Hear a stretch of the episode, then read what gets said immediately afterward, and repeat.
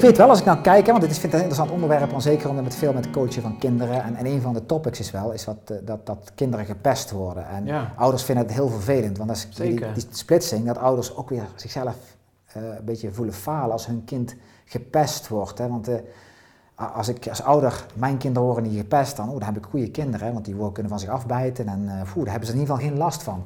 En het verdriet zien, wat ooit kan zijn bij het pesten bij je eigen kind, waar je het heel lastig vindt. Want de ouder weet ook wel, als ik het, ik kan het wel oplossen, maar de kans dat het dan een jaar later weer is, uiteindelijk zit ik er, dan komt het uiteindelijk bij een bedrijf waar ze komen werken, kan het goed eh, komen dat het nog steeds verder, dan ben ik er niet bij.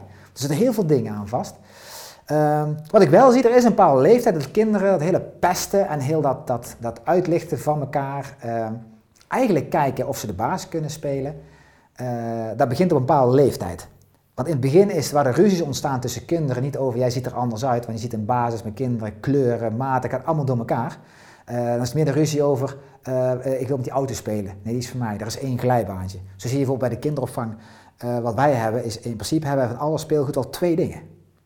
Want vaak is er één ding en dan willen ze toevallig allebei met dat ding spelen.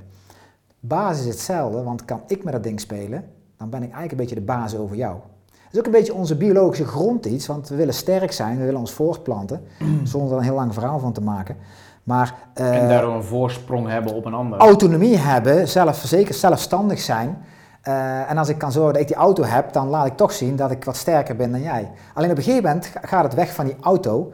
eh, want dan is die auto niet meer interessant. Want speelgoed is niet meer cool. Kijk, een, een, een tiener gaat geen ruzie maken op speelgoed op school. Dat is niet nee, cool. Nee. Maar waar kan hij wel gebruiken om te laten zien dat hij sterker is en eh, beter is, is om te zorgen dat hij iets zegt of doet waardoor jij jezelf kleiner voelt. Eigenlijk is dat heel de basis. En eigenlijk denk ik dat op heel veel momenten, eh, als je naar het gedrag zou kijken, zou je kunnen zeggen, dat is eigenlijk ook een vorm van pesten. Dat is een vorm van pesten. Maar als de ander daar niet zo op reageert of het mooi afwimpelt of eh, het misschien omdraait. Eh, er zijn zat filmpjes, die zijn ook leuk om te kijken op YouTube over iemand die zich laat pesten en laat zien hoe hij ermee om kan gaan. En die laat op een gegeven moment zien hoe je elke vraag wel heel mooi kan omdraaien. Ehm, eh, ja, dan krijgt het pesten geen grip. En dan is het niet vechten om een autootje wie het sterkste is, eh, maar is op een andere manier te laten zien, ik ben slimmer dan jou, ik ben wijzer dan jou. En we hoeven niet altijd een krachtmeting te doen. Hè? Wie, wie niet sterk is, moet slim zijn, is een uh, oud. Overtuiging, ja, ja. Dus daar zitten meer van die dingen in. Uh, en daar zou je je kinderen wel in mee kunnen begeleiden. ja. En ik denk ook dat we er een beetje van af moeten halen dat als je gepest wordt, dat je dan een mislukkeling bent en dat het verschrikkelijk is. En dat je dan, oh, en we moeten allemaal op het kind duiken. Want dat maakt het al veel zwaarder dan dat Ja, eigenlijk is. jongens, kom op. Ja.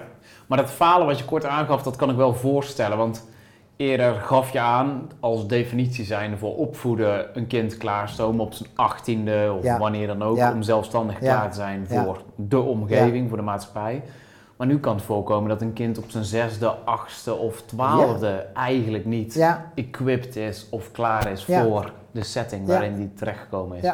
Omdat hij te klein, te zwak, Ja. te... ja. Nou, wat je, wat je ziet in de opvoeding, die zoals ik er tegenaan heb gekeken, is als je toch weer vooruitkijkt met je partner. Van wat zijn nou de dingen waar we tegenaan kunnen lopen? Dan, Ja. Dat is een van die topics waar je best wel eens een keer samen een wijntje kunt mee pakken. Van wat vind jij van pesten? Wat moeten we ermee doen? Want vaak zie je gewoon ook dat één ouder gebeld wordt. En of nou papa of mama is, dat hij schrikt, eh, eh, de buren belt en dan wordt al groter gemaakt voordat je met z'n tweeën hebt gezegd hoe gaan we er eigenlijk mee om. Ja, Klopt het eigenlijk wel? Moeten we wel iets doen? ja. Of moeten we tegen onze zoon of dochter zeggen van, los dat eerst zelf op. Kun je het Mhm. zelf oplossen? Wat vind je er zelf van? Bij een van onze dochters is ook op een bepaalde manier gepest. Dat de juffrouw zei, ja, ik heb het erover gehad. Maar ze had er eigenlijk geen last van. Want die werd Pipi Langkous genoemd. Want het was wel anders. Ze, ze reisden met ons veel. We hadden geen televisie. eh, telefoon ging in een koffertje. Dus dat was al heel anders. ja. Maar zij konden ombuigen. En zij zei, ik los daar zelf wel op. En ik heb er eigenlijk geen last van, juffrouw. Terwijl de juffrouw zei, ja, maar ze zeggen dit tegen jou, een pipi langkous. Ja, ik heb er geen last van. En een van de vriendinnetjes werd op een andere manier gepest. En daar eh, nam ze het voor op. Waardoor ze eigenlijk mee in het pesthoekje kwam. En zei ze, het maakt niet uit. Het komt wel goed. En, eh, en daar hebben we ook niks over doen. Ik zei, nou, als zij zelf dat kan oplossen in de klas, dan moeten wij daar met z'n allen niks mee doen. Het is fijn, juffrouw, dat u het mee in de gaten houdt. Want Ja. ik denk dat als volwassenen best wel een taak is, dat als we zien dat het eh, te veel escaleert, ja. dat je die club wel bij elkaar pakt. Zeker. Want Maar dit is een voorbeeld waar, waar het aangekaart wordt en dit is heel krachtig dat ze Ja. zelf mee uit de voeten Ja, kan. Maar ik kan me ook voorstellen dat een aantal ouders erachter komen terwijl het al een paar maanden of een paar jaar bezig is. En dat lijkt me toch best wel pijnlijk, pijnlijk als je erachter komt. Veel kinderen houden het ook voor zich Ja. en durven het thuis niet te zeggen. Ja, maar dat komt ook omdat het pesten ook iets zo, ja, als je gepest wordt, ja, dat kind is gepest. Dat als een kind zelf al een keer gepest wordt, dat ze ook bijna zoiets hebben, dat vinden mijn ouders heel erg als dat bij mij gebeurt, dat ze het maar stilhouden en in, in, het- in het eh, ja, wegstophoekje doen. Ja. Dus ook dat is weer een ding om bespreekbaar te houden. Jongen, als je ooit gepest zit, vertel het, doe het. Als ik je kan helpen, laat maar weten. En, en, Maar en- hoe doe je dat als ouder al op jongere leeftijd? Want in een ander interview hadden we het over seksualiteit, Ja. over sexting, over Ja. mediawijsheid. Maar wa- hoe, wa- wanneer introduceer je het en hoe? Ja, eigenlijk, want jij noemde heel mooi eh, pesten en plagen. Plagen was het labeltje aan een bepaald gedrag hangt. Ik denk dat je best wel in een vroeg stadium met die kinderen lekker eh, eh, moet stoeien en plagen.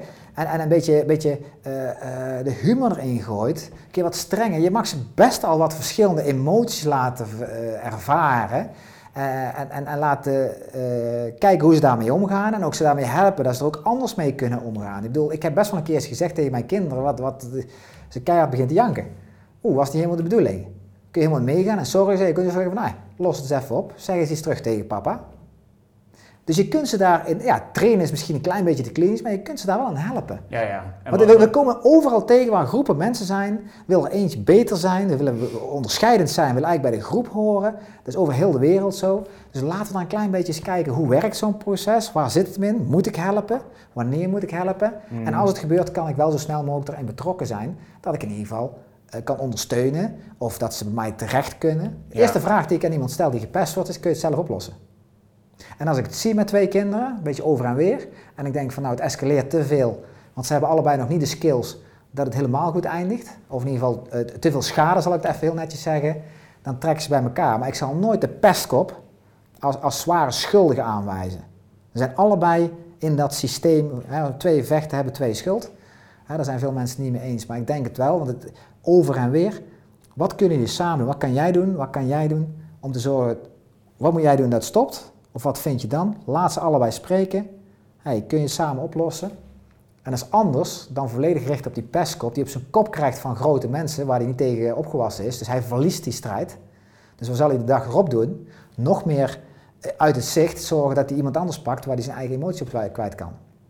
En ik denk dat we dat, als we daar iets meer bewust van zijn dat dat kan gebeuren, dat we iets minder snel moeten ingrijpen, maar wel beter bespreekbaar maken. Ja. En daar moeten kijken tegen degene die gepest wordt, ook moeten helpen dat zij zich laten pesten. Je laat het je overkomen. Dat is niet in alle 100% van de gevallen, maar in de meeste wel. En als ze in die gevallen al zelf hebben, ik heb invloed erop, Ja. ik kan ergens anders gaan staan, ik kan ook even weglopen, ik kan ook een keer wel blijven staan.